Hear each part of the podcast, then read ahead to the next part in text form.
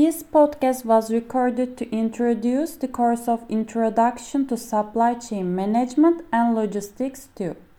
The goal of this course is to emphasize the scope and objectives of logistic operations and management, IT for logistics, and integration of supply chain.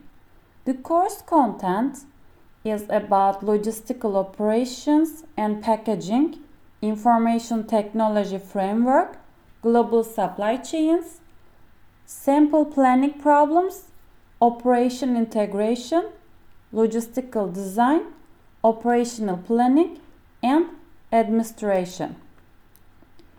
With this course, student will be able to solve logistical operations problems and also they will learn logistical operations and packaging and material handling. They will be able to operate information technology framework and they will be able to manage global supply chain and to learn logistical design and operational integration.